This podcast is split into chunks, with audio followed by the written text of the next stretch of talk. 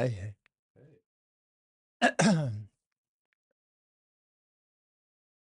Här är jag. Ja, ja, jag har sett dig rätt länge nu. Du har sett ja, mig? Ja, Väl, eller det är ju liksom, nu var ju du här först. Ja. Men välkommen. jag, är det hade varit väldigt konstigt om jag sa välkommen. Med tanke på att det här är inte ens, jag har aldrig varit här eller något sånt. Så det är väl ändå du som ska välkomna mig antar jag. Ja. Ja. Varmt välkommen. Ja, tack, tack. Eh, roligt än så länge.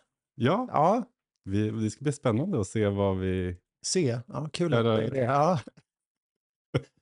ja, bra. höra. Vad ska, eh, ja, vad ska Ja. man kunna säga?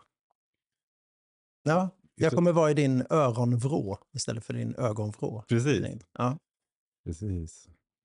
Eh, ja, men jag är väldigt, eh, även fast jag inte vet om du är, så är jag väldigt tacksam att du eh, är här. Ja, okej. Än så länge också. Ska vi lägga till det? Ja, Ja. men precis. Nej, men Det kan ju gå åt vilket håll som helst. ja är det så? Ja. Ja, ja, ja.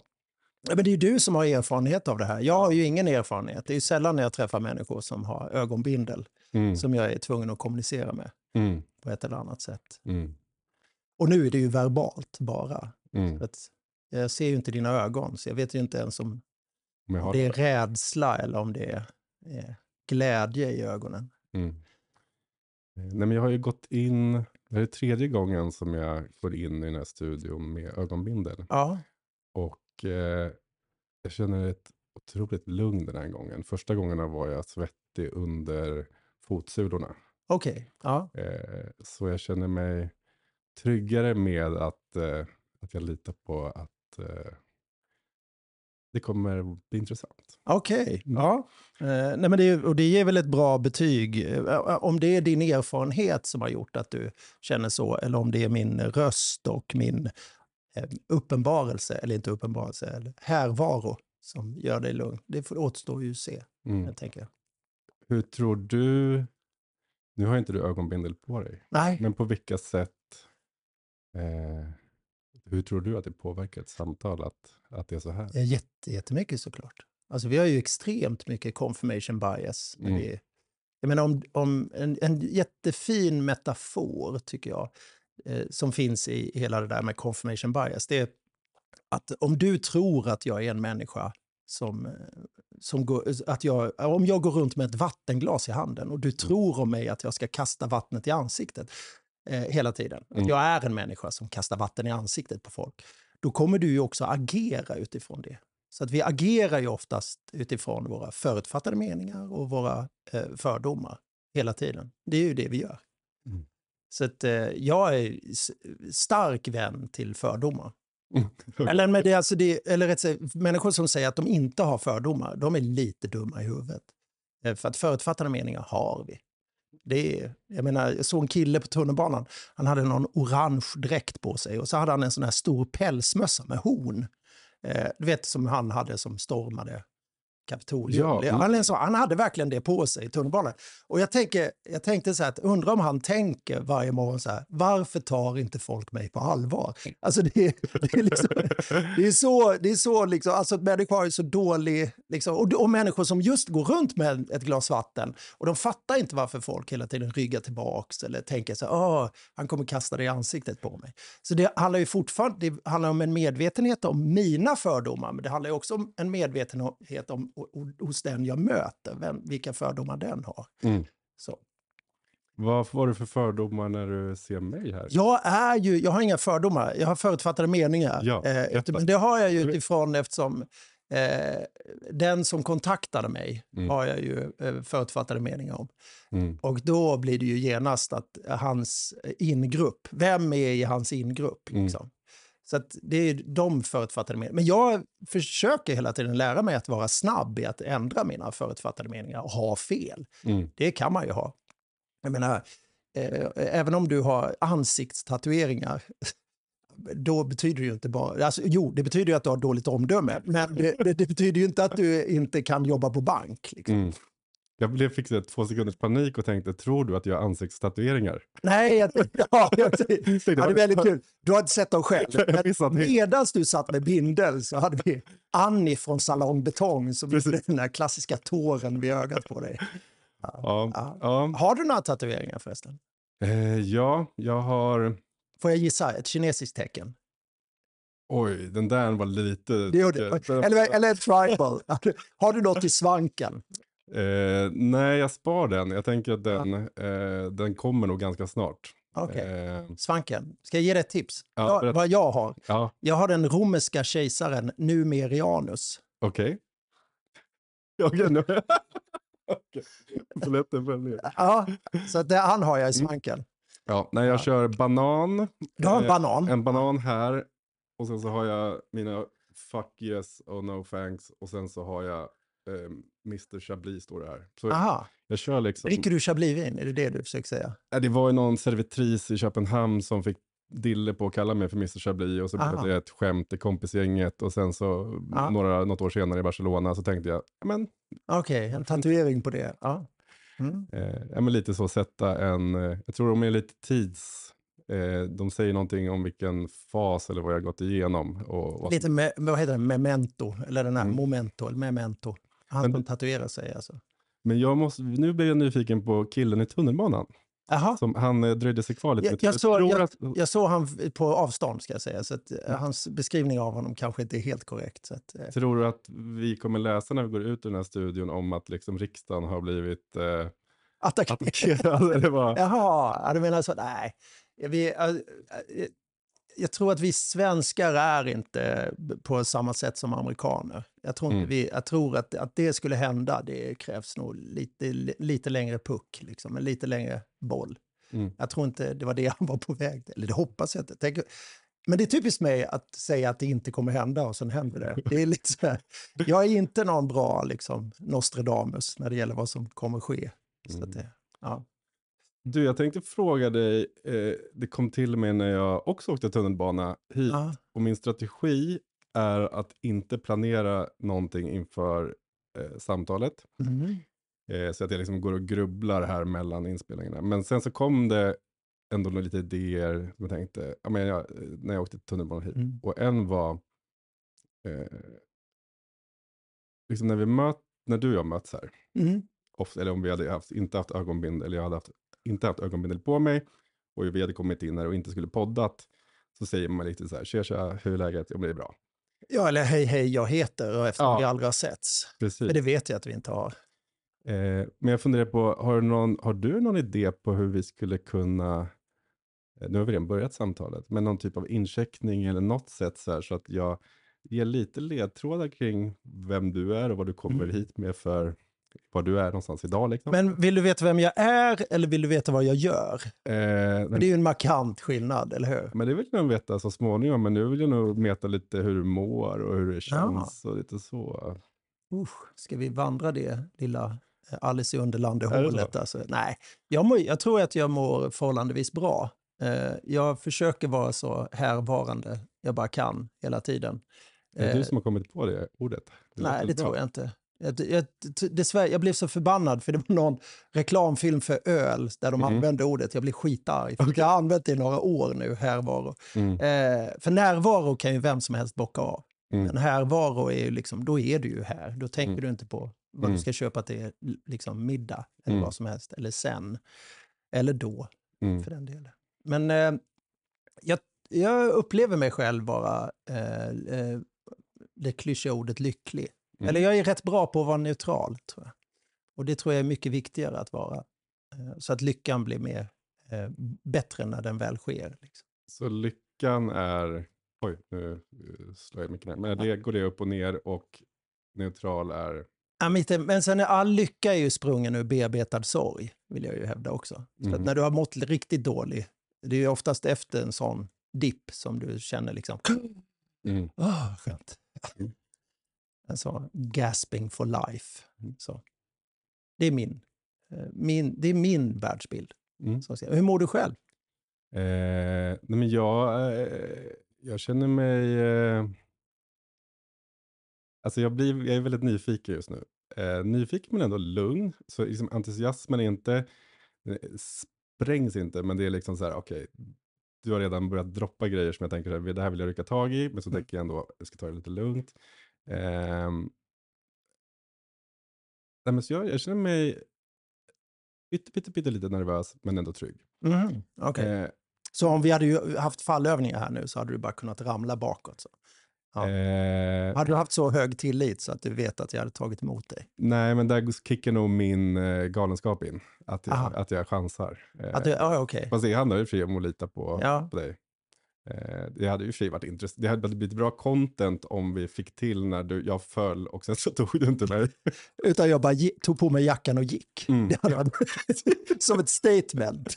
Och satte på mig den här pälsmössan med horn och gick. Så att, att jag, du hade hånat mig. Precis. Precis innan. Det var egentligen, jag pratade ju själv, om mig själv i tredje person innan bara.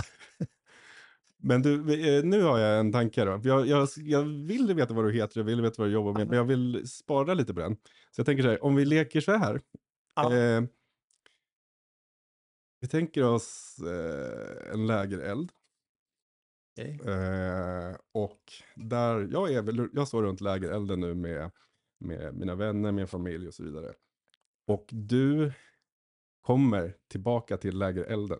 Och du, Har jag varit och kissat? nej, eller? du har varit ute i den stora världen. Jaha, oj. Du har liksom varit ute och lärt dig allt det här som du, du med eh, erfarenheter och så vidare och, och kommer tillbaka och ska berätta för, för mig om vad, hur... Jag tror sannolikheten hade nog varit att jag hade kommit dit och hade sagt så, vad, vad fan håller ni på med? Här får ni fan inte elda era du- Hur fan eldar ni era dumma jävla idioter? ligger ju inga stenar runt elden. Vad är ett säkerhetstänk? Så hade jag skällt ut er allihopa och sen har jag gått därifrån. Okej, är du då brandman? Eller Ja, nej, nej, det är jag inte, men- Nej, nej, jag mest så här, det här vårdslösa eldandet hela tiden. Alltså, att man, alltså det, det måste ske...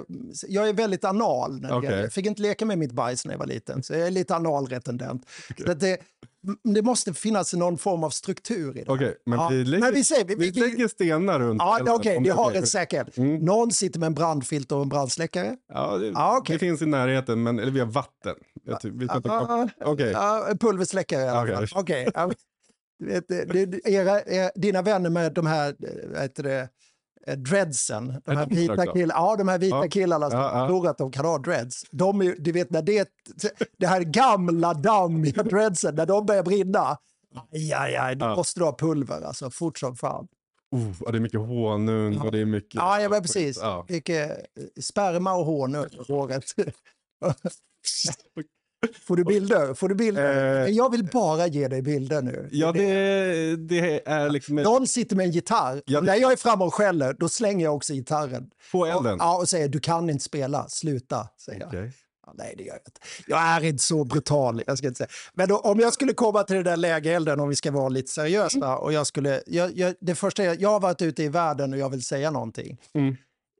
Jag tror faktiskt att jag med åren hade hållit käften väldigt länge. Jag Mm. tror på det ömsesidiga, den ömsesidiga nyfikenheten. Mm. Så att om jag hade kommit dit och satt mig eller vad som helst, då måste Mm. nog någon fråga mig först. Vad har du varit? Mm. Eller vem är du? Eller vad som Mm. helst. Och då kan jag kanske säga någonting halvt. Mm. Eh, jag har inte längre det bekräftelsebehovet så Mm. att jag behöver stå i elden, Mm. om du förstår. Och berätta saker. Mm. Så det, jag tror nog att jag hade varit väldigt försiktig med att berätta saker. Men jag eh, har ju, jag visste ju inte att du skulle komma till elden, men jag är väldigt nyfiken på hur du ser på världen utanför den här ringen som jag står. Jag är, bor ju i byn mer och så, Ja. så när du, eh, ja, vad hade du berättat för mig? Nej, men jag tror nog jag hade berättat om att eh, det finns en altruistisk värld. Eh, vi lever i en altruistisk värld där människor i grunden, att det finns någon form av godhet i, kanske inte alla, men i många. Mm. Och att vi vill hjälpa varandra och att vi tycker om att hjälpa varandra Mm, oftast. Så det tror jag nog jag hade börjat eh, kanske berätta att jag har upptäckt. Det finns snälla, det verkar finnas en godhet där ute. Det finns, ja, men det finns det. Det finns det i alla människor. Även eh, de som är riktigt jävla dumma i huvudet. De tror ju i alla fall att de är goda också. Så Mm. det, jag menar Assad som eh, s- hånar sitt folk och är dum i huvudet. Det finns ju, han tror ju att han gör gott. Han vaknar ju inte varje morgon och säger nu ska jag vara ond. Utan han tror ju att han är god. Mm. Och det måste man ju tro om honom också. Annars blir det ju fel. tänker Och- jag. Mm. Vad gör du i världen då? För att göra gott? Ja. Eh, jag, eh, mestadels... Jag, det är så att jag har väldigt mycket ägg i mina olika korgar. Så att det, jag gör inte bara en sak. Men till större delen så är jag nog snarare en som hjälper andra att göra gott. Mhm. Jag är bra på att få andra människor att bli bättre på att göra gott. För att prata i metaforer. Mm. Göra det ännu mer mystiskt. För jag vill ju vara lite så här, du kommer bli förvånad när du tar av ögonbindel. Jag har cap, så att du vet det. Så jag har en liten cap på mig. Det? En sån, stål, alltså en liten mantel. Som En man. Ja, så en liten mantel. En, eller rätt sagt, det är en, det är en offermantel. Så jag Okej. åker runt och offrar mig för folk. Så. Istället för offerkofta så har jag en offermantel. Okej, Ja. wow. alltså jag fick två sekunder fick jag en så här eh, rabbi... Eh, Jaha, sitter det en, eh, jaha, ja, en frispråkig präst där? jaha, nej, Nej, nej, jag är inte mantel. speciellt andlig. Tror du på Gud? Eh, nej, det är jag nog inte. Eller eh, vilken, av, vilken av de 3000 gudarna syftar du på? Är det den kristna guden du tänker på? Eller?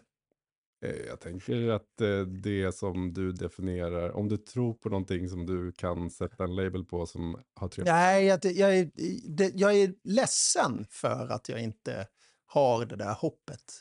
Eller det, här- den tron. Så det är jag är lite avundsjuk på människor som är gudstroende eller har något som de tror på. Oftast något väldigt naivt som Mm. de tror på. Det är jag lite avundsjuk på, men jag är nog lite för, vad ska man säga, rationell Mm. i det hänseendet. Men irrationell i tanken. Fantasin är ju fantastisk. Mm. Om, om, om jag får skapa en egen gud just nu i sekunden så är det nog fantasin som är min gud. Mm. Det, den är outgrundlig. Det låter vackert. Ja, du kanske är min första anhängare i min lilla religion. Fantasi. Fantasi. Gud. Och det, att, det är alltid tillåtet där, mer eller mindre, i min religion. Eh, Mm. Det är extremt liberal religion. Och man ska helst säga att man inte tror. Men i smyg. Jag fantiserar. I, smyg, i fantasier. Det är om Gud. Ofta sexuella fantasier. om Okej, Gud. The Church of Fantasy. Ja, exakt. Den officiellt öppnad, klubben det. Ja. Är du då överst, eh, du är den högst fantiserande. Ja, det, det, det, det, är en, Platt. eh, det är en platt organisation. det är det. Men jag är en diktator. Så det, är, det är en hierarkisk, det, det är liksom som ett spjutspets och så är det platt under mig. Liksom. Mm. Ja. Väldigt Mm. kul med platt organisation. Jag tycker Mm. att det, där folk svänger sig med det. Mm. Det är extremt roligt. Men du, du har ju varit ute nu och märkt att eh, det verkar som att eh, de är goda ute i världen. Mm. Vad har du lärt dig? Vad har, du, har du lärt dig något hantverk? Vad är liksom, det här är lite din titel. Har du, du hjälper folk, är du coach då? Kanske? Nej, jag tycker inte om det ordet egentligen. Eh, Jag skulle nog mer kalla mig mentor. Mentor? Ja, Mhm. och sen är- är det ju ordet eller talet som jag sysslar mest med. Eftersom det är det jag har som... Det är en av grunderna, ska man säga. Men jag har flera grunder, men det är en av grunderna eh, i, i mig. Som, där jag hjälper människor att eh, bli bättre på att uttrycka sig. Så att, eh, Intressant. Så alltså att vara mentor, för jag tänker man kan ju vara coach eller liksom både mentor och operasångare, Ja. men då är det mer tal, att liksom komma Ja. med budskapen. Ja, bland annat. Eller kanske bara stå på en scen och, och prata inför människor. Så det är väl också en del i det hela. Så att det, jag, har liksom en, jag, är ju, jag har en lång erfarenhet. Hade du sett mig så hade du också se, se, sett att precis som du så är jag en liten silverräv. Ah. Ja, så att jag har även mina gråsprängda delar av livet i mig. Mhm. Jag, jag lyssnade på första avsnittet av den här podden Ja. eh, och i alla fall kommit så långt i mitt... Så du har lyssnat på dig själv? Är det Jag- det du säger? Ja. Jag har Mm. kommit så långt att jag inte får ont i kroppen av att höra mig själv. Ja, ja, men det är ett bra Eh, steg. Men en sak som jag reflekterade av var att jag, eh, för eftersom inte vi kan bekräfta varandra med synen Ja. så, Ja. så mummade jag väldigt mycket. Mm. Alltså jag Aha, be- Men det, är, det är ett gulligt det är en tick, men det är ett gulligt tecken på att du lyssnar. Så att säga. Problemet är oftast när man står på en scen och pratar med massa människor. Då kanske man inte ska göra det. Eller lägga till ett ä eller sådana Mm. saker. Att, eh, men det är gulligt. Det är, ett gull, det är en gullig bejakning i den, hos den du lyssnar på. Så det, det är ju att du vill bekräfta den. Mm. Ja. Så det ska du inte göra dig av med. Om, du inte, om, du inte, om du ogillar det du gör så ska du såklart försöka göra dig av med det. Nej, det var, Finns det jag tyckte det metoder? var intressant. Det blev en... För jag hade inte... Alltså, Jag reflekterat över det. Precis. Det är oftast de klienter jag har, för jag kallar dem klienter, Mm. jag brukar säga till dem, så vad du än gör så spela inte in dig själv på video och se dig själv på scenen stå och prata eller något. Utan spela bara in ljudet och Mm. lyssna. För då, det här hur vi rör oss och hur vi, eh, liksom, vi lägger så extremt mycket tid på att hur, hur vi liksom uttrycker oss med kroppen. Men det är Mm. bara, det är bara på att det finns något som heter kroppsspråk. Liksom. Mm. Eh, ansiktet, ja, där har vi extremt mycket uttryck och sådana saker. Och där kan vi också uttrycka känslor mycket, mycket med alla muskler i ansiktet. Men, Mm. men kroppen är helt meningslös egentligen. Så man ska lyssna på sig själv och då kan man höra att om, om det är syftningsfel eller sådana saker. Så man, att man säger mycket äh eller liksom eller vad man nu har för tics. Mm. Så, och då kan man också leta efter och förändra sitt eget tal mycket mer om man bara lyssnar och Mm. hör förändringar och, och förstår saker. Alltså har jag en linje i det jag pratar om? Finns det en dramaturgisk kurva? Eller? Mm. Jag, jag, jag har flera följdfrågor, men jag tänkte börja med en som kom till mig direkt. Ja, Och eh, det var en, jag ska inte nämna namnet, men det kom en person till mig. Eh, är det Kai Pollak? Är det det? Precis. Ja. För han kommer alltid till en. Oftast mardrömmar på nätterna. Men det kom en som skulle presentera någonting för mig Ja, och sen efteråt berättade personen att eh, den tyckte det var väldigt jobbigt att eh, ja, men, pres, pres, presentera saker. presentationer, ja. Och eh, den frågade jag liksom, vad, vad ligger bakom det här? Liksom, vet du när det börjar? Och då hade personen fått en feedback väldigt tidigt i livet om att du babblar för mycket eh, när du står där. Liksom så här. ja, Och eh, så, ja, men, så, så då var självförtroendet hade liksom blivit lite nedtryckt i fotknölarna och det hängde kvar. Så jag tänker, för vissa har ju naturligt att de tycker om att höra sig själv. höra sig själva Ja. snacka och, och dela.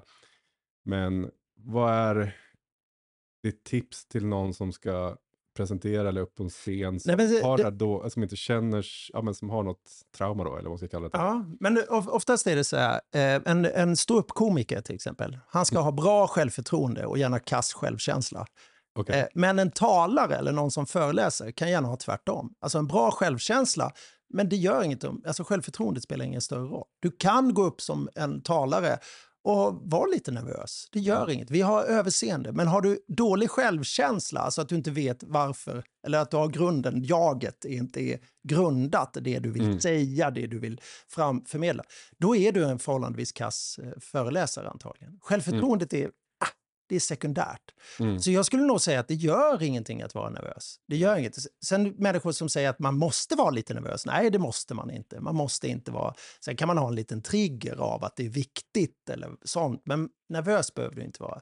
Är det smart då, räcker det med att vara, alltså bara vara nervös och inte säga någonting? Nej, det bästa är att säga, adressera det. Okej. Istället för att få, annars kommer folk undra, så här, undrar om man är nervös. Mm. Så kan man säga, jag är lite nervös, men jag hoppas detta kommer gå bra. Jag hoppas ni är med mig. Bara som en liten kort sägning. För Mm. då gör det också det mycket tydligare för oss som publik att, eh, eh, att eh, hjälpa dig genom den här nervositeten. För oftast tar det bara en två, tre minuter och du börjar märka att det rullar på. Mm. Bästa ti- tipset jag har till människor som ska ställa sig inför en publik och prata, eh, det är att håll käften de första 30 sekunderna. Öppna inte munnen överhuvudtaget. Drick lite vatten, pilla med dina papper. Gå runt. För vi har ju massa för, förutfattade meningar och sånt. Låt dem först trigga igång hos folk. För att om du börjar prata så kommer folk trigga igång ännu mer förutfattade meningar. Det går jättefort, så om du, du kan ju spara det lite. För de börjar undra, liksom, är, han, är han gift? Har han barn? Liksom, skulle jag ligga med honom? Nej, kanske. Om jag var full och han hade en pistol mot huvudet, Mm. eller hans huvud. Men eh, så att man har massa tankar som snurrar som publik. Och de tankarna måste man lite vara försiktig med så att man inte går in och är aggressiv eller går in och är, är liksom eh, annorlunda. Man ska vara mjuk med publiken till en början. Liksom. Är det som när man går på ett mingel och inte hör vad personen säger de första För 30 sekunder. 30 sekunder, nej för man, man sitter Man och sitter tittar på vi- vi- vigselring och vad har han på sig och Mm. varför har han den där pälsmössan med horn? Mm. Ja, ja. Varför gick jag fram och pratade med honom, han den mest excentriska i rummet? Så, Mm. vad, är, vad har han för konstig dragningskraft? Mm. Eh, ja, nej, men så att vi, vi, och vi har ju, det finns massa förutfattade meningar och det finns massa eh, myter och sånt också om det här med att vi, hur vi ser ut och hur det ska vara. Vi har, vi har en världsbild, alla människor går runt med sin världsbild hur det ska vara. Mm. Och det, eh, det, det, är det, jag tycker är tråkigt med retorik till exempel. För, där, det är ju liksom, för det första är det 300 år före Kristus som man bestämde sig för hur det skulle vara. Och, att, och då, visste man, då trodde man att hjärnan var en sån här stor blob som inte hade någon funktion. liksom. Okej, Vi vet mer idag om presentationstekniken, om retor retorikerna från Snackar- antiken. tänker du då på typ etos, patos? Ja, precis. Ja, precis. Ja, det, det, det, ska vi slänga bort det? ja, men släng bort det lite. För att, Kan vi för berätta först vad det är? Vi skiter i det. Vi skiter jag, det, tycker att det, det är irrelevant, för det är man ska inte berätta för folk hur de inte ska Okej. göra. Man ska berätta för, för dem hur de ska göra. Mm. Det, allt, det viktigaste är att du är ditt transparenta jag. Du ska hitta din toddler, alltså barnet inom dig, inte ditt ego. Egot ska man lämna utanför. Du ska inte försöka vara någon annan på scen, för publiken är jättesnabb på att läsa av att det här är falskt Mm. eller det här är äkta. Men, Det, det, och, det, och det går jättefort för en publik att se om du är på riktigt eller på låtsas. mm. Dr. Cosmos har en fantastisk låt om det. Vad heter På det? riktigt, eller, på riktigt på- och på låtsas tror jag den heter. På riktigt och på låtsas? Ja, jag tror den heter. Mm. För 20 år sedan. Men skulle du kunna hjälpa mig och lyssnarna att, jag tänker det är nog, jag själv ibland eh, hamnar ju på någon scen eller någon föreläsning och vad det kan vara och Ja. jag har verkligen inte, jag har liksom aldrig coachat det, utan det blir så okej nu ska jag snacka om det här. Och det finns säkert lyssnare som skulle vilja ha alla Några grundrecept. Ja. Så, Nej, men, eh, en sak som jag tycker är viktig, eh, en, som jag oftast jobbar med klienter med, det är eh, att lära dem förstå skillnaden på emotioner och känslor. Mm. Eh, I det hänseendet, att emotioner är det du känner inom dig. Det är det som kommer till dig, liksom, här, Mm. som du inte riktigt kan kontrollera. Eller du Mm. kan inte kontrollera, för de kommer till dig. Eh, känslor är det du uttrycker. Så enkelt är det. Och oftast rimmar inte de. Alltså folk säger åh jag är så arg. Ah, är det inte besviken du är? Jo, det är sant. Det är sant. Och vi är väldigt svårt för att uttrycka våra alltså, alltså, känslor. Eller vi har svårt att, att tolka våra emotioner. Och ofta så tolkar vi dem bara på ett sätt hela tiden. Eh, jag, man gjorde, Brené Brown heter hon väl, som gjorde någon sån undersökning i USA där man frågade en massa amerikaner så vilka, vilka känslor har du känt den senaste eh, året? Och medianen av svar var tre, tre känslor. Det var arg, ledsen, glad som folk svarade. Mm. Och, det, och det, vi måste lära oss att nyansera vår känslopalett. Men kan inte... På scenen så måste du vara tydlig. Du måste ställa dig framför spegeln och säga dina replik och, repliker eller det, det du vill säga. Och så kanske du upptäcker att fan, jag ser ju förbannad ut Mm. när jag säger det här. När jag i själva verket vill... Och då är ju liksom känslopaletten lite skev. Liksom. Då måste du börja... Eh, paletten måste färgjusteras. Du måste Mm. kanske kli- klina den där paletten och plutta nya pluttar. Liksom. Och förstå hur du ser ut när du är arg. Nu ska man inte Har vara jag en kaffekopp? Ja, någonstans har du. Du får hitta den. Men i alla fall, nej jag skojar. Lite framåt, framåt, framåt. Där har du ett glas framför dig, tummen. Och bredvid glaset, vid din andra hand, det är tomt i glaset. Så det, nej, åt andra hållet. Andra, bara på andra sidan, där ja, precis, där har du en kaffekopp. Men kan vi... Det här är ju bra content, det jag, det jag visar. Men Nej, men- känslor, för jag... Jag vill inte erkänna att ha koll på alla känslor är... eh, Jag är nog, skulle nog svara lite som den amerikanska undersökningen. Kan inte vi bara, vilka färger finns det? Vilka känslor är det som... Oj, vill du ha alla jag känslor? vill gärna ha dem. Nej, men det, eh, om man säger de sju grundkänslorna, därom twittrade lärde också hur många gru, eh, gru- grundkänslor vi har. Men Eh, de, de, då är liksom fem negativa och en är positiv och en är halvmedel. Ni kan googla vilka de är. Men, och sen men vad det handlar om är, är att öka sitt språk utifrån och börja lära känna sig att hur, är, är jag lycklig? Nej, jag är nog bara glad. Eh, eller euforisk kanske jag till och med. Mm. Eller är jag liksom eh, snäll eller är jag bara dum i huvudet? Alltså, det, man, vi måste lära oss att, att utöka den paletten. Det är bara att liksom, knappa in känslotillstånd så får man ju listor och så börjar man då kan man liksom fundera sig igenom de där och liksom, när har jag varit håglös? Mm. Visst, liksom, när har jag varit liksom, eh, när jag har känt mig nyfiken, vilket är en fantastisk, eh, Mm. det är en, en av de bättre känslorna, vill jag säga, om man nu ska gradera dem. Mm. Eh, eller för den delen sorgsen. Man, och sorg är, eh, oftast sorg tycker människor är jobbigt. Men jag vill ju säga att sorg tillhör ju de, lyck, de, de bättre känslorna. Mm. För att, och har du koll på din lycka och din sorg så är du, då, då, då har du kommit väldigt långt i att vad, hur uttrycker jag min sorg och hur uttrycker jag min lycka. För då får du också en berg och dalbana utifrån till publiken. Att du, så här ser jag ut när jag är glad, så här ser jag ut när jag är allvarlig eller ledsen eller känner liksom djup sorg. Och då förstår människan också din palett däremellan. Då kan man förstå lite, så här ser han antagligen ut när han är arg och Mm. när han är besviken eller när han känner äckel eller så. Så det är bra att köra eh, att man, så det ska finnas, flera av de här bör finnas med och i någon typ av då kontrast till varandra. Ja, men man ska undvika aggressivitet och sådana saker. Eller för det är oftast inte bra att vara förbannad på scenen. Okej, För det trigg, triggar oftast fel saker hos en publik. men om vi tar det Men lycka och sorg ska man ha koll på. I have a dream! Ja, men- Den var inte så förbannad där. Han var nog mer bestämd. Bestämd. Ja, Passion. Ja, passion. Ja. Passion Mm. är också ett bra ord. Eh, inte som frukt, men som känsla. Passion, jag tänker på eld.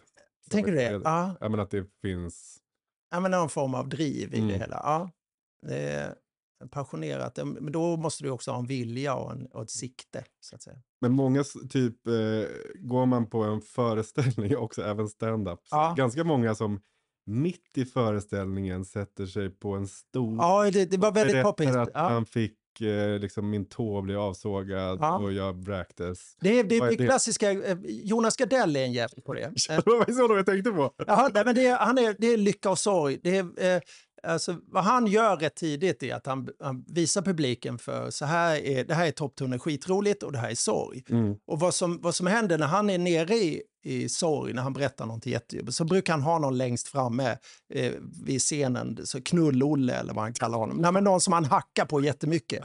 Och, det, och då, det är så lätt för honom att ryckas, alltså att han kan berätta något sorgligt och sen kan knull-Olle vara den där som skjutsar upp en till lycka igen. Liksom.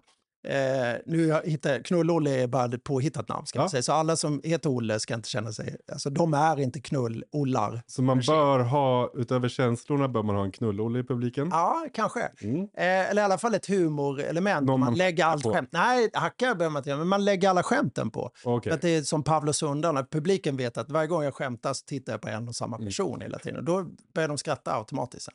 Eh, Mm. så funkar folk. Folk är dumma i huvudet, får inte glömma det. Finns det något mer också, jag tänker om man... eh, Men det är så här, vad jag tänkte komma till var att den här berg dalbanan, Mm. den här, alltså, säger man vad, vill, vad man vill om Jonas Gardells eh, humor, eller vad han, en del människor gillar honom, en del människor gillar honom inte. De som inte gillar honom, det är antagligen på grund av hans eh, emotionella berg dalbana. Okej. Alltså att den går lite för fort och att den är, man tycker att han är lite för mycket. Så att. Man vill mer ha en, en Schyffert som är så här lite tydlig. När han, nu är jag ledsen, jag var, mobb, jag var en sängvätare och sen blir han rolig igen. Liksom. Mm. Så, eh, och det är ju ett knep. Det, är oftast, det roliga blir ju mycket, mycket roligare om man har haft sorg med i bilden. Mm. Det blir ju en längre berg och eh, skjuts. Mm. Och vad, något som jag kallar TV4-föreläsare, det är de där människorna som ska sälja tvål eller en bok i slutet. De vill inte gå ner i sorg. Liksom. Eh, och går de ner i sorg så är det totalt ego som går ner i sorg. De, har fortfarande, de är liksom musikalartister. Där de har liksom, jag är så glad, men någon har dött. Alltså, det, de förstår inte hur man uttrycker sorg överhuvudtaget, för de ska ju sälja en bok i slutändan, så de vill ju inte att du ska känna dig liksom, att någonting är jobbigt. De vill inte att du ska ha tryck över bröstet.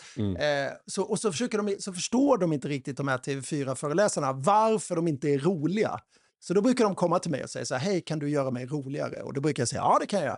Och så börjar jag jobba med deras sorg, det första jag gör. Mm, Okej, Det- så du tar dig an alla... Nej, jag tar mig inte an alla. Oh gud så dumt, det skulle jag aldrig få för mig. Jag är få förunnat, skulle jag säga. Okej. Det är faktiskt så. Jag, eh, jag upptäckte det att eh, eh, jag försökte, till, jag har hållit på med det här ett tag och jag Mm. försökte till en början när jag inte förstod riktigt jag, vad, hur jag, hur, varför jag gjorde det jag gjorde. Mm. Så försökte jag ta mig an människor som jag inte höll med. Mm. du förstår jag menar. Men det gick inte riktigt för att jag gick lite jag mådde, jag mådde inte bra av det. Okej, mm. Att hjälpa dem att lära hur man manipulerar en publik, det är ju Mm. inte bra. Det är inte nyttigt Mm. att de får lära sig vissa saker, för jag vill ju inte ha ut deras budskap. Nej. Det tycker jag är bara dumt. Så nu hjälper jag människor som jag upplever har ett eh, bra narrativ eller ett bra Mm. budskap som jag känner att ja, men det här kan jag stå bakom eller det här kan jag känna Mm. är viktigt att få, fler människor får veta eller känna. Är det också kopplat till eh, några gråa hår? Att, man, att du själv känner att du... Alltså, är det en insikt som har kommit eller? Nej, jag tror att jag förstod det rätt. Så här, eh, någon gång när jag var runt, nu börjar jag avslöja ålder, men någon gång för länge sedan när jag var runt 35 så hade jag ett långt bråk med en, en tv-producent eh, angående kontrakt och vad man hade skrivit på och inte skrivit på. Jag hade inte skrivit på.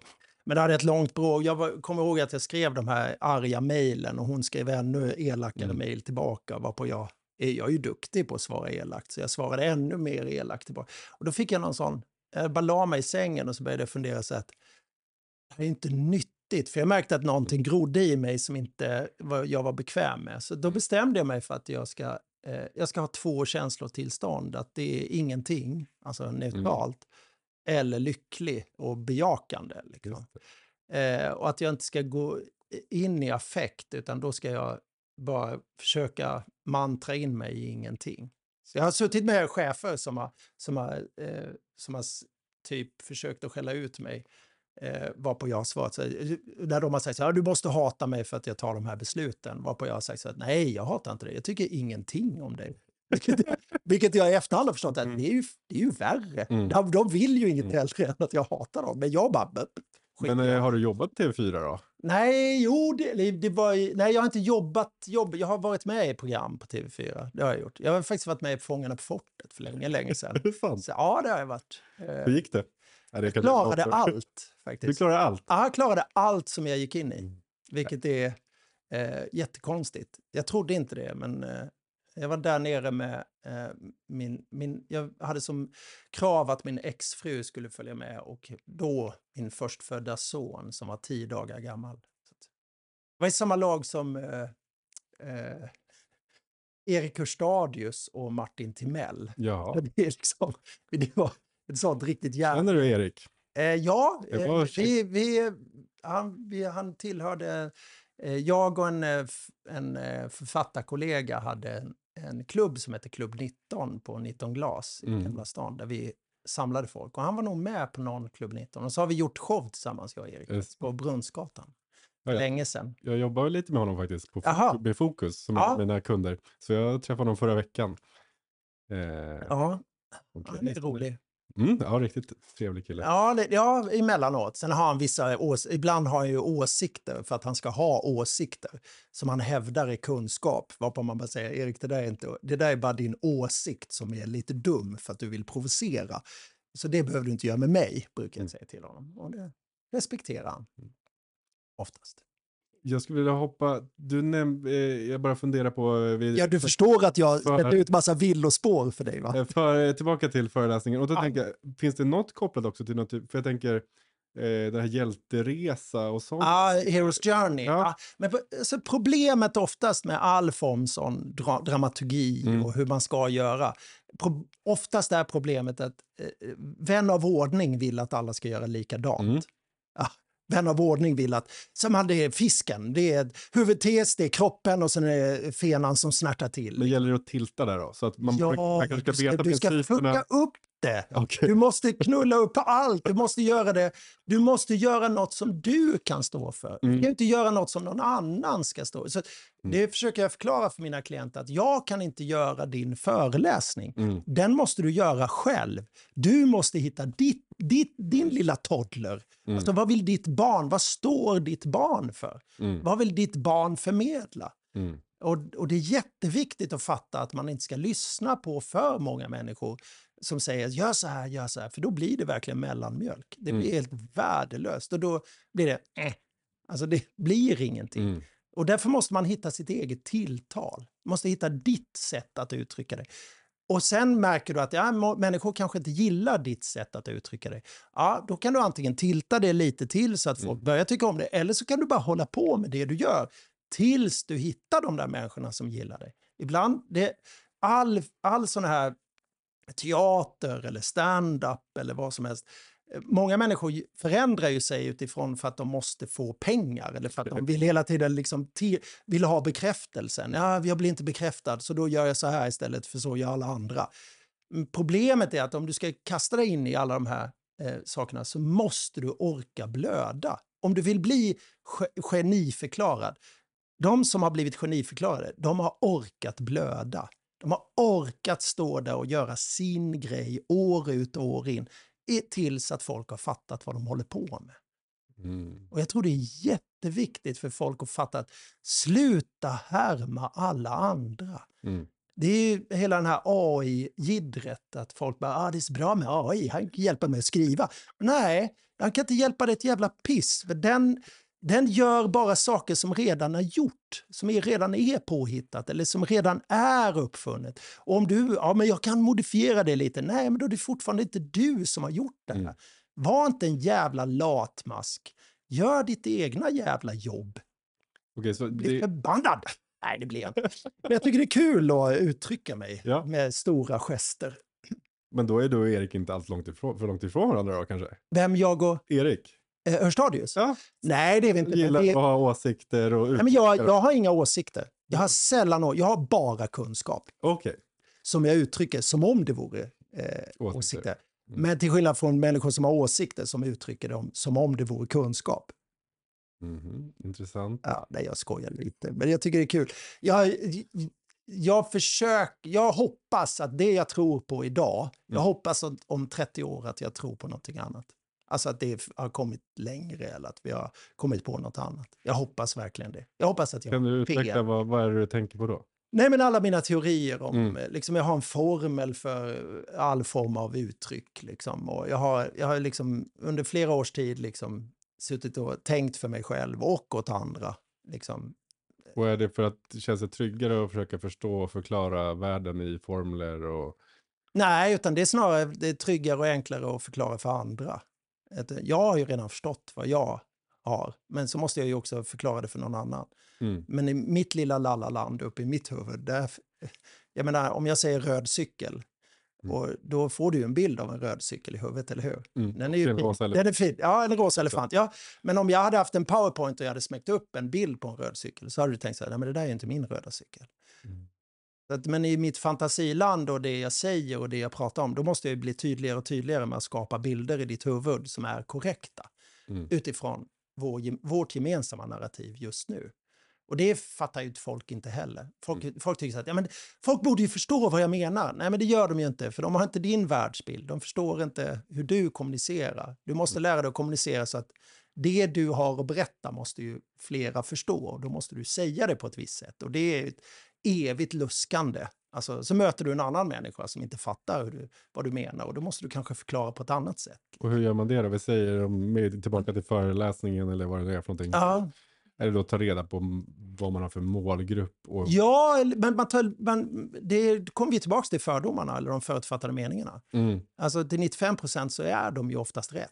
Mm. Så när du träffar en människa så vet du att det är, det är ju så här jag brukar kommunicera med såna här människor. Mm. Och så gör man det och så märker man ah fan 5 procent är lite knasigt. Då kan du förändra lite och kommunicera på ett annat sätt. Eh, Men folk har ju såna för, folk har ju såna föreställningar om att kommunikation är på ett sätt. Men det är ju på så många sätt. Vi måste bli bättre på att inte har lagar och regler för hur, hur vi kommunicerar. Det är på så olika sätt vi kommunicerar. Jag har träffat människor som, när jag har skickat ett sms till dem, så har de bara ah, jag vet att det är något. Och jag bara, va? Vad är det? Nej, den där punkten var väldigt aggressiv. Jag bara, va? En punkt? Hur fan kan en punkt vara aggressiv? Det ligger ju för fan bara hos dig. Din ton just nu i sms. Det finns ingen ton i text! Idiot! Det är, liksom, det är du som uppläsare som har den tonen, det är inte jag. Jag är neutral, jag tycker ingenting. Jag skriver vad jag vill förmedla. Liksom. Och jag, alltså jag känner mig så igen mig, för när jag skriver och är på språng Ja, så kör jag, alltså verkligen skiter i emojis och så Ja. tutar jag på och liksom, jag brukar inte korrläsa.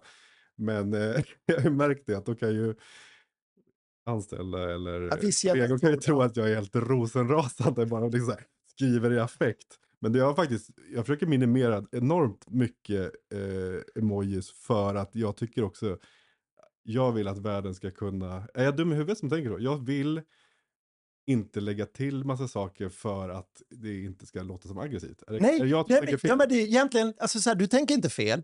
För att det, det handlar ju bara om att, men det är ju som vi pratade om, är att människor får ju lära sig hur ditt sätt att kommunicera. Men du ska ju inte förutsätta att de förstår ditt sätt att kommunicera. Utan du måste egentligen också vidga dig och kanske lägga till den där smile. Eller vet du vad, vad du ska börja med? Den där tummen. eh, Tummen upp, den där gubbtummen. För då har du verkligen i ditt rätta habitat, kommer du vara då. Gubbtumme habitatet. Nej, men, så att, och emojis är ju, det är ju en bra, jag skulle säga att kommunikationen via text, det var väl någon galen amerikan som har sagt att det är en 13-procentig, liksom, det är den kommunikationen som finns. Men folk fattar ju inte det.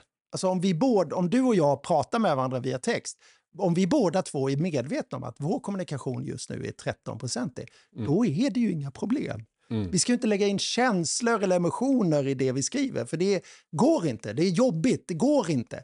Sen är det klart att du kan sväva ut i texten och säga jag är jätteledsen just nu och jag mår jättedåligt. Ja, då kan jag fatta att du är ledsen och mår dåligt. Men att en punkt ska vara aggressiv, Det är, så långt kan vi inte dra det. det är, då är vi riktigt korkade. Då, Vi drar det för långt. Då har man inte förstått eh, kommunikation via text. Jag, jag jobbar ganska mycket med, eh, liksom min, sen jag var 20 så jobbar jag mycket med försäljning. Eh, och en sak som jag, jag vet inte om jag lärde mig det, men det var ju, jag kunde, jag kunde lägga hur mycket tid som helst på att skriva ihop ett mejl liksom, Mhm. och svara ordentligt och det skulle vara trevligt och så vidare. Och så kom det en sån vd som är så här bara, nej. Mhm. Eh, så, så där jobbar jag mycket med att liksom snabbt hitta samma språk som den jag kommunicerar med. Ja, Eh, för ing, alltså, och många förstår ju inte det, de fortsätter att skriva långa mejl. A4-mejl Aha. fast eh, mottagarna har liksom en ganska, vad finns det mer för olika? Nej, men det, är så här, det, det är ju, jag kommunicerar ju inte alls via mejl. Alltså jag, försöker, jag kan gärna säga, var där, gå dit och så. Folk säger, klienten till mig säger så här, kan jag få det här i papper, det du säger till mig? Nej, jag kommer berätta min feedback. Okej. Jag kommer säga det, du får skriva ner det. Mm. Sen om det är något otydligt så kan du höra av dig till mig, så kan jag berätta det igen. Men jag kommer inte skriva ner och sen så kan du börja odla massa jävla missförstånd utifrån texten. Det går inte. Så, för det första så undviker jag mejl när man ska förklara någonting större än, än eh, hur man brer smör på en macka. Okej. Eh, så det, det tänker jag, det, är där, det finns en extrem begränsning i Mm. kommunikationen vad det gäller. Sen har emojis hjälpt till väldigt mycket. Mm. Alltså i att lätta upp eller den blinkande gubben som en del tror är flörtande. Och, så, där finns det också fel. Alltså Mm. att folk inte riktigt förstår vad det är för emojis. De Mm. bara, vad, jag som eh, signum med en aubergine, bara, nej, det kanske du inte ska ha. Alltså, det, det, är, det är ett dåligt signum. Liksom. Mm. Nej, men, så att, eh, alltså all kommunikation, vi måste lära, vi måste bli, vi kan inte bara bestämma att så här kommunicerar jag. Och det jag tyckte du gör helt rätt i att du hela tiden speglar och försöker skapa rapport med den du pratar med och se, så här kommunicerar vi. Liksom. Eh, speglar förstår jag, rapport. Ja, det, rapport, alltså att man eh, gör likadant, alltså att Mm. man härmas. Det är en sån eh, eh, mentalistgrej. Typ, Ja, ja, men nu ser ju inte du vad jag jag gör. Jag sitter ju här kalanka naken och är lite Okej. förnärmad att inte du gör det. Men, eh, eh, nej, men att det är man hela tiden gör likadant eller, som den man pratar med. Så att Mm. man, eh, om någon hela tiden börjar använda vissa emojis så svarar man med samma emojis tillbaka. Och så. Eh, men det kan bli missförstånd också. Allt kan ju bli missförstånd. Och det borde också folk bli bättre på, att hela Mm. tiden säga så att nu förstår jag inte, eller "V- v- är det det här du menar, eller syftar du på detta, eller Mm. vad, vad är det liksom, eh, istället för att bara fara iväg och bara, han sexuellt insinuerade, att det bara, nej, liksom, det tror jag inte. Eh, Men nu när du säger det så, ja, då kanske det blir intressant. Man har inte ens tänkt tanken innan. Så att det, ja, Men den är ju egentligen, eh, alltså jag kommer ihåg första gången jag testade den av att spegla Mm. både i business men också om man går på en fest och så vidare. ja, Så är det ju, extre- alltså dels är det intressant om man vet om teknik, alltså det går ju ut bara om någon inte riktigt känner igen det. Ja. Att Man, om du ska då gå fram och mingla med någon så försöker du kanske ha samma röstläge, du kanske ställer dig, lutar dig mot väggen som Mm. den gör och sen så, men det här sker ju också, det är det som jag tyckte var intressant, att det sker automatiskt ja med vissa män, alltså med, Vissa. med normala människor. Precis, ja. då, då händer det av Ja. sig självt. Men det är ju det som är attraktion. Mm. Alltså det är ju det att vi attraheras till varandra. Vissa Mm. människor attraheras till vissa människor. Då pratar jag inte sexuellt, utan jag pratar attraktionen av att vi, vissa människor gillar vi och vissa, vissa människor gillar vi inte. Mm. Alla föreläsare och klienter som jag har jobbat med som står på en scen, eh, jag brukar liksom banka in det som ett mantra att alla kommer inte tycka om dig. Mm. Släpp de som inte gillar dig, skit i dem. För då blir de oftast intresserade. Men det fattar inte folk. Så det oftast koncentrerar man bara på den där människan som sitter med armarna i kors och är sur hela. Mm. Så bara, då spelar det ingen roll om att hundra andra har bara jublat, stått upp och hoppat upp i bänkraderna och bytt tuggummi med varandra utan att använda händerna. Mm. Alltså det är, så glada har de varit. Men då är det den där sura jäveln man koncentrerar sig på. Liksom. Och det är ju knep. Jag fick det, det var liksom, jag var, alltså i somras så fick jag feedback, det var första gången någon, och jag visste inte om det här, men som sa så här, du har ju så här, eh, vad säger man, eh, eh, aggressiv eh, resting face, vad säger jag, rest, Jaha, eh, jag? men alltså när Ja. jag går runt och tänker, alltså ser du aggressiv ser jag aggressiv ut? Ja, Så det är väl... blev jag så här, fuck, då går jag, alltså när jag går runt på Hemköp och ser ut som värsta lönnmördaren och Ja. ser läskig ut. Jag hade inte en självbild, jag tänker, jag är väldigt glad. Nu ser, nu ser jag inte dina ögon, så det är Ja. svårt att... eh, Liksom, jag har ju ändå en, eh, jag har en ETAC-utbildning, som det heter. Jag kan evaluera en människas trovärdighet genom ett förhör. Man kan ju nästan säga att... eh? Alltså, jag kan se om någon ljuger. Men eh, Testa mig då. Ja, med dig? Ja, Nej, men då jag måste vi ha ett se ögonen. Nej, jag kan inte se ögonen, ja. Nej. Men sen måste vi också ha ett stake. Alltså om vi tar 100 000 av dina pengar och lägger på bordet och så berättar du en lögn och en sanning så kommer jag kunna säga vad som är en lögn och en sanning Mm. och sen plocka pengarna. Jag vet redan ett tecken jag har, i alla fall när jag ska lura någon, eh, det kanske inte är riktigt de stora hemligheterna, Nej, men då åker mina näsborrar upp. aha, okej. eh. Så om jag liksom ska, när mitt barn skoja, ska, ja. ska skoja med dem, då var det så här. Aha, okej. Man har ju olika tricks. Så, eh, eh, han som utbildade mig, han utbildade också MI5 och MI6 i förhörsteknik. Så att, eh, ja, det diplomet, det brukar vara rätt. Okej, men nu, hur, hens, hur hamnade du på det här? Jobbar du extra hos polisen? Nej. Nu, Eh, nu ser inte jag ifall du ljuger i och för sig. Nej, det, nej, jag har inte jobbat extra hos polisen. Jag hade en klient som hade licensen för den här utbildningen. Mhm. Som jag, och då fick jag eh, gå den utbildningen. Berätta vad... Nej, jag kan inte berätta så Nej, mycket. det är så hemligt. Så det, det är liksom, ja, jag kan inte berätta så mycket mer. Använder du det? Nej, faktiskt inte, för, nej, verkligen inte. Alltså, vita lögner är helt menings... Alltså, det går ju, för det finns ingen stake. Alltså, det fin, alltså, om du har mördat någon, ja, Mm. då kommer jag kunna flagga saker och säga att ah, det, här är, Mm. det här är inte så trovärdigt. Det är klart att jag inte direkt kan se en lögn, men jag kan se en osanning. Mm. Jag kanske ska definiera det där egentligen. För sant finns ju inget som är riktigt sant. Det är egentligen lögnen vi kan vara överens om. Osanningar är ju det mest intressanta. Om, du, om vi ponerar på att du tror på Gud Mm. i det hänseendet så är det ju sant för dig, Mm. men det är ju en osanning för många människor runt omkring dig. Så att en osanning är ju egentligen någonting som vi inte kan bekräfta som verkligen riktigt. Men Där- 80 procent tror jag av jordens befolkning är eh, kopplad till religion. Sen kanske inte Ja. tror. Så Nej, frågan är, nej. vad är mest sanning? Ja, vad är sanning? Och det jag menar, det, folk börjar säga, ja men fakta då? Ja, men fakta är ju det vi vet idag. Mm. Att vi kan vara överens om att kol är kol, alltså grundämnet. Men mycket mer kan vi inte. Alltså fakta är lite knepigt. Och åsikter, Det är ju också samma. Det är ju grundat utifrån min erfarenhet. Mm. Därmed inte sagt att min erfarenhet har någonting med din erfarenhet att göra. Vi har ju olika världsbild. Mm. Det måste vi också lära oss, att min sanning är inte sann. Det är därför jag blir så provocerad av SVTs program Min sanning. Det är som man bara... Men finns det, är det någonting som, jag tänker det där är ganska intressant med, eh, där, ja men allt är påhittat. Ja. Davids... eh, Ja. Och då är frågan så här, vad, finns det saker vi verk, finns det saker som vi verkligen vet? Ja, att, kol, är 100%. grundä, att grundämnet kol är kol. Alltså det vet vi. Det kan vi, inte, vi kan inte säga att det inte är det. Men det är ett dött ting. Liksom. Mm. Eller det är också bara några bokstäver och, och en ljudgrej för någonting. Ja, ja, men det är ju ett språk och det har vi hittat på. Men själva, vi kan ju inte, bara för att vi kallar det kol Mm. så är ju kolet fortfarande kol. Alltså det är ju någonting. Sen kan vi ju kalla det ambadjadababba. Att det spelar ingen roll, men det är fortfarande ambadjadababba. Alltså det är fortfarande no, det är ju någonting. Ja. Liksom. Ja. Det här med det, det är så flummigare saker som gu- Gud och sånt som vi inte kan ta på, det är ju lite Mm. svårare. Liksom. Mm. Nu är det tio minuter kvar. Och Sebastian, nu får du ta av dig ögonbindeln. Jaha, gud vad Jag heter. Sebastian. Hej, hej! Hej. Oh, du hade helt andra ögon än vad jag trodde du skulle ha. Hej! Hej! Ta varandra hand. Jag gillar att ta i hand. Hej. Pontus Ströbeck heter jag.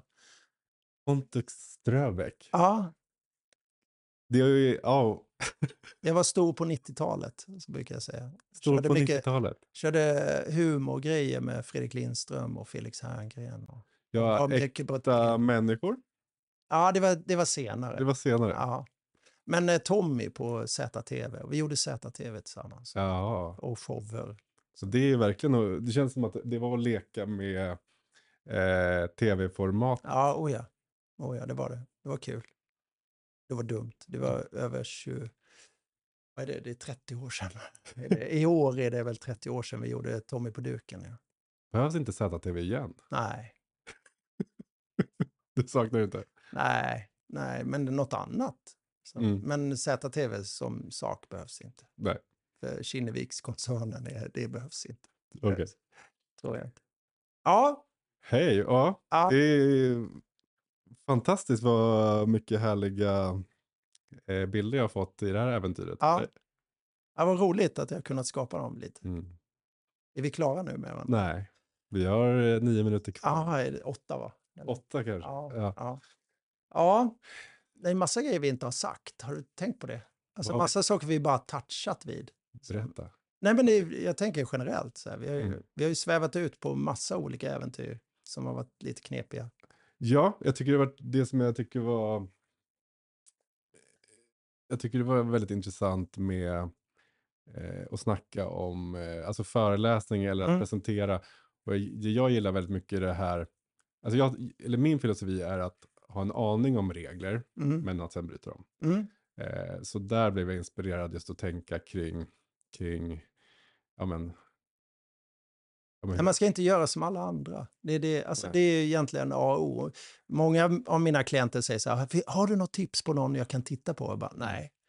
Titta på dig själv eller titta på hur du vill göra. Mm. Liksom. Det är bättre. Mm. Sen kan jag berätta ifrån det till dig att ah, det där kanske inte är så lämpligt eller det där kanske är, kommer folk ha svårt att förstå och sånt. Så Mm. jag är någon form av eh, publik 17-åring som försöker se alla.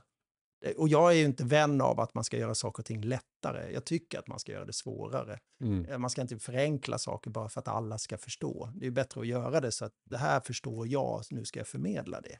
Var kommer det ifrån då? För det känns, eh, Det är, allt, det är väldigt mycket påhittat. Det finns sjukt mycket grejer som är påhittat. Som det här med att, eh, eh, att rädsla föds i frontalloben, du vet det här cortex, bla bla bla, Mm. jag kommer inte ihåg vad det heter. Det är där, den, den undersökningen gjorde man ju eh, någon gång på 40-talet eller något sånt, Mm. där det visade sig att det är ett, ungefär 30 procent av människorna när man mätte hjärnvågor, som där rädslan föds här uppe. okej. De andra 70, där är det andra delar av hjärnan. Det har man ju först nu på senare år förstått att ja, men hjärnan är plastisk, så det är klart att det sker på andra saker. Mm. Men då har det helt plötsligt blivit en sanning på grund av att Mm. 30 procent av befolkningen händer det. Och då har vi börjat säga det. Ja, det är där du vet, rädsla föds här framme i frontalloben. Heter. det. Mm. Och det är inte ens sant. Det är liksom... Spelar det någon roll vart saker, den kunskapen? Jag tror att det spelar jätteroll för att det blir ju narrativ. Ja. När vi helt plötsligt går runt och far med osanningar och säger att så här är det. När man börjar fråga, så här, folkmänniskor eh, gör si och så eh, enligt undersökning. Ja, men var har ni gjort undersökning? Ja, vi har frågat 2000 människor. Ja, men var? Mm. Ja, mellan två och fyra på Coop. Liksom. Ja, men vem går och handlar mellan Ja. två och fyra på Coop? Är det liksom befolkningen då? Liksom? Men eh, tillbaka till rädsla. så Ja. Det här. Jag, tänker, alltså, jag tänker att rädsla sitter här i magen. Eller liksom Ja, ja, ja, jag förstår vad du menar. Det gör den ju inte. Den, allt föds ju upp i hjärnan, Mm. tekniskt. Men sen påverkas ju magen Mm. i det hänseendet att det magsyra börjar bubbla upp och Mm. så. Nu killgissar jag bara. Ja. Men det, jag är, Det är jävligt... Det är, så- Allt är 100% sant. Ja, exakt. Ja. Nej, men, det, men, det, men det är ju så det på... Alltså vår kropp är ju större än vad vi Mm. förstår. Vi har ju hittat på en massa lögner om kroppen som Mm. vi sen måste revidera hela tiden. Mm. Och det är ju det som är roligt. Det är ju roligt att vi har Mm. fel. Det är ju kul att ha fel. Mm. Att kunna vara tvungen att bara kasta om hela sin världsbild. Liksom. Mm. Det var ju häftigt när de skulle göra den här nere i den där jävla relativitetsteorin. De höll på att spränga hela den. Och då måste vi bara revidera all vetenskap i liksom 50 år tillbaka. Det hade varit ju ashäftigt ju. Men då helt plötsligt är ingenting sant längre. Mm. Vilket är värd av... Alltså det är som en såpbubbla. Som bara, Mm.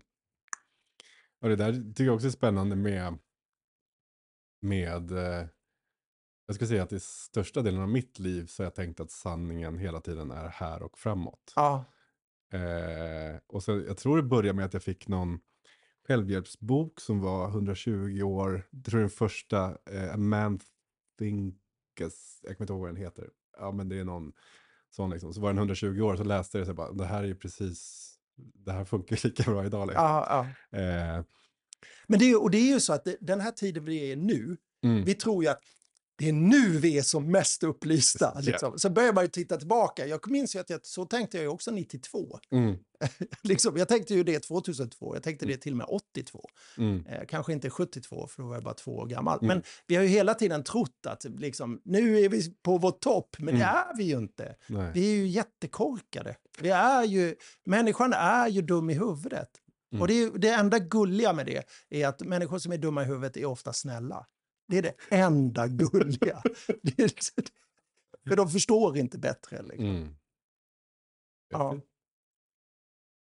Ja, Ja. vad är det mer? Jag gör ju massa saker. Det här är ju bara en del, att jag hjälper föreläsare. Mm, vad gör du mer? Eh, Jag importerar naturviner från Italien också. eh, eh, Med några kompisar. Sen har jag ett litet bokförlag som ger ut lite böcker. Ja. Sen jobbar jag också just nu som... TV4-böcker eller? Nej, det är andra böcker. Jag hjälper, dels är det ett sätt att få klienter att kunna lätt ge ut böcker. Mm. Men sen eh, ge ut barnböcker eh, oftast. Eh, och humaniora och eh, barnböcker. Har du något exempel? Som du skriver själv eller du Nej, första, boken, första boken, Sofie som jag har förlaget med som heter Kvidivitt, vi träffades på eh, Twitter. Eh, för att eh, under Heter hon pandemin- Kvidevitt? Kvidivitt heter Och ni träffades, träffades på Twitter? Ja, vi, ja, det är därför det heter Kvidivitt, förlaget. Jag- Ja, så att, eh, Sofie, hon, eh, hon och jag, vet för jag hade pratat med henne och så hade för hon jobbade på ett förlag Mm. och så frågade jag vad gör de om liksom, tio år? Så hade hon sagt, ja, har jag mitt eget förlag. Mm. Så hade jag en bok som jag höll på med som jag skickade till en, en kompis som skriver Mm. böcker som är väldigt etablerad. Och varpå hon sa så här, det här kommer förlaget inte gilla, det här kommer förlaget inte gilla och det här kommer... Varpå jag sa, ja men då gillar jag inte förlag. Tänkte. Så började jag tänka, fan jag kan ju starta ett eget förlag. Mm. Så då kontaktade jag hon Sofie och så sa jag så här, ska vi inte starta förlag idag istället? Mm. Och hon bara, nej men jag kan ingenting om att starta AB. Jag bara, "Wow, det kan jag, det, vet du vad, jag kan det. Mm. Så vi bestämde oss för att starta ett förlag innan vi ens hade träffats, jag och Sofie. Och idag är vi, vi, vi är uppe i sju böcker och vi kommer med två böcker nu under våren också. Men, så, så den första boken var jag själv som hade skrivit. Mm. Utifrån en berättelse, som en klient som jag hade som heter Naef, som berättade om sin flykt Mm. ifrån Syrien. Och jag skulle hjälpa honom bli, att bli bättre på att berätta sin berättelse. Mm. Och sen satt jag och pratade med honom vid ett tillfälle och så sa jag, nu kan du berätta din riktiga berättelse. För jag märkte att något skavde. Mm. Och då, två och en halv timme så berättade han en av de vidrigaste berättelserna jag någonsin har hört. Oj. Och eh, så började jag tänka, hur berättar man det här för barn? Mm. Eller hur berättar vi för barn om krig och flykt Mm. och sånt? Så en natt så hade jag en liten dröm om en liten mus som flydde ifrån land. Sen tog jag hjälp av en kompis som gjorde det här bokmanuset. Och så frågade jag NAF om att får jag berätta den här historien som bygger på din? Så sa han ja. Mm. Så tog jag hjälp av andra ståuppkollegor som hjälpte till att göra illustration. Mm. Så det var första boken vi gav ut. Den gick Fint. 2001. Så jag tänker att det är bra att få ut den boken om flykt och krig. Wow. Jag tänker det, väck, det det väcker i mig är ju också behovet av att faktiskt prata om svåra saker med barn. Ja, Så ja men då kanske göra det på ett lätt sätt men sen kanske också kunna svara på frågor som är knepiga och mm, försöka förklara. För jag tror inte på att eh, skyffla undan. Nej, Mm. vi låter inte lilla Sofie gå på mormors begravning. Det är ju Mm. tungt. Mm. Och då är det inte så konstigt om Sofie är tvungen att käka psyko psykofarmaka när Mm. hon som 18-åring blir dumpad av sin kille. För hon har ju inte lärt sig att hantera sorg. Liksom. mm, Vi, vi curlingföräldrar i all ära och jag har själv varit en curlingförälder. Men det, vi måste ut, inte utsätta våra barn, men vi måste se till att de får till sig och lär sig att hantera paletten. mm, Och lär sig att förstå paletten emotionellt och sen känslomässigt hur man uttrycker. mm, Jag tror det är jätte, jätteviktigt. mm, verkligen. Har du barn? Ja, tre Ja. stycken. Tre? Ja. Men eh, vi är i fasen här. Vi satt, det blev till Hur gamla är de? Eh, två av dem är bonusdöttrar, eh, döttrar, 24 och 23. Ja. Sen så har vi vår gemensamma som är 18. Och igår vid middagsbordet så satt vi och eh, halvgrät. Det var liksom så här för vi ska sälja lägenheten. Hon skulle Halvgrät? Ja men, nej, men, Nej, men alltså tårarna var i ögonen liksom. Och så var det så här för eh, vi ska sälja vår lägenhet Mm. och hon ska in i militären liksom som 18-åring. Och Mm. vi vet kanske ska köpa en gård i Skåne, vi vet inte. Så det är så här mycket, så helt plötsligt blev det så här, det är slutet på perioden av att vi har liksom, Ett gemensamt boende med Ja. barnen. Ja. Eh, så lite, det är några månader nu som jag känner att jag vill ta tillvara på extra mycket Mm. och, och njuta. Och, och sen så är det ju skitspännande att se vad de kommer hitta på Mm. i världen. Ja, men så är det ju alltid. Jag har ju äldre barn och så har jag en liten. Så att det, jag, har en, Vad är det för ålders... jag har en sjuåring som fortfarande bor hemma då. Ja. Det det är visserligen Stockholm, men det, han, han kickar ut honom nästa år. Ja. Nej, men eh, sen har jag en eh, 21-åring, han har precis flyttat hemifrån i höstas. Eh, Mm. Och sen har jag en 27-åring eh, och han har ju ett, i sin tur ett barn. Så Mm. jag är ju farfar. Mm. Eh, och sen har jag en, mitt ex hade en, bon, eller en, en dotter Mm. som jag var do, bonuspappa åt. Så jag lärde känna henne när hon är sex och hon är 35. Hon har också en dotter, så jag är plastmorfar också. Det är livets efterrätt, verkligen. Mm. Det är så jävla kul med barn. Mm. Man bara, vill du ha glass? Man får säga det. Det är, man har man då, vill du ha trumset? Alltså du vet, så här, man bara jävlas med sina barn. Liksom. Det är det man gör. Nej. Jag tänker en sak som jag, jag bara håller på att landa lite här nu när jag fick synen på, men Du jag, tänkte lite snyggare och det hade varit löjligt. Det var det du tänkte, va? Hur fan? Du vet, det är busslaster från Ungern som åker hit och bara smör, de bara sätter smör på mig. För de, de har ett uttryck i Ungern där, han med smör på. Så här. Och då är det mig de talar om. Nej, vad tänkte du?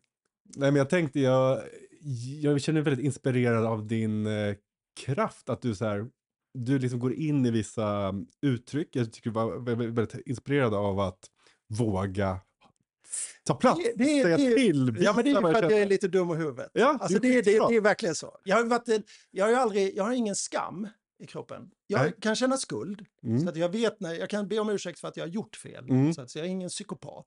Så jag kan känna skuld. Men skam är extremt meningslös känsla. Mm. Och den handlar ju bara om eh, toddlern, alltså det inre barnet. Mm. Du ska inte göra så, du borde Mm. skämmas, du ska inte förhäva dig. Du ska inte, det är ju janten som ligger som en blöt filt. Mm. Så att, eh, och jag jobbar jättemycket med mina klienter och med skamgränsen. Mm. Alltså att lära sig och förstå att du, du behöver inte skämmas för något. Alltså Mm. Du behöver inte, det är inte skamfullt att ställa sig och prata inför människor. Mm. De kommer inte döma dig. Mm. Och gör de det, då är det deras problem, det är Mm. inte ditt. Mm. liksom. Det, är, det är, och det är, jag brukar säga så här, folk bara, ja men jag skäms sällan. Så här, ja men ska vi titta på ett avsnitt av Paradise Hotel? Eller vi går på ett café och så sätter vi oss ner och så börjar jag klä av mig när vi sitter på kaféet och med jämna, rum, med, med jämna mellanrum så säger jag Sebastian, du är min bästa vän och så klär jag av mig liksom, mina kläder och klär av mig dag. Skulle du skämmas då? Ja, och det är ju den värsta formen av skam, för det är ju en Mm. sekundär skam. Mm. Den är ju helt meningslös. Mm. Det är jag som gör bort mig, det är ju inte Mm. du. Liksom. Mm. Jag tycker det att det är jätteintressant och, och jag ska fel ord med mobba, men jag gillar att utmana människors skamgräns. Alltså Mm. vad, vad är liksom folk bara, så kan man inte säga. Det går jättebra, det är bara Mm. vibrera stämband och trycka ut luft och forma tungan och munnen och så säger man det. Det är Mm. inte fel. Och sen är det kanske olämpligt, men var går gränsen? Vem Mm. sätter normen? Liksom? Ja, jag, ska jag är inspirerad av dig, så vi får se vad jag gör med det. Oj, Och fortsätta med samtalet också kring skam skulle jag göra. Men Ja. det hinner vi inte idag. Jag tror att vi är på... ja. nu är det gummiboll i munnen. Kom igen nu. Tack så mycket. Tack själv.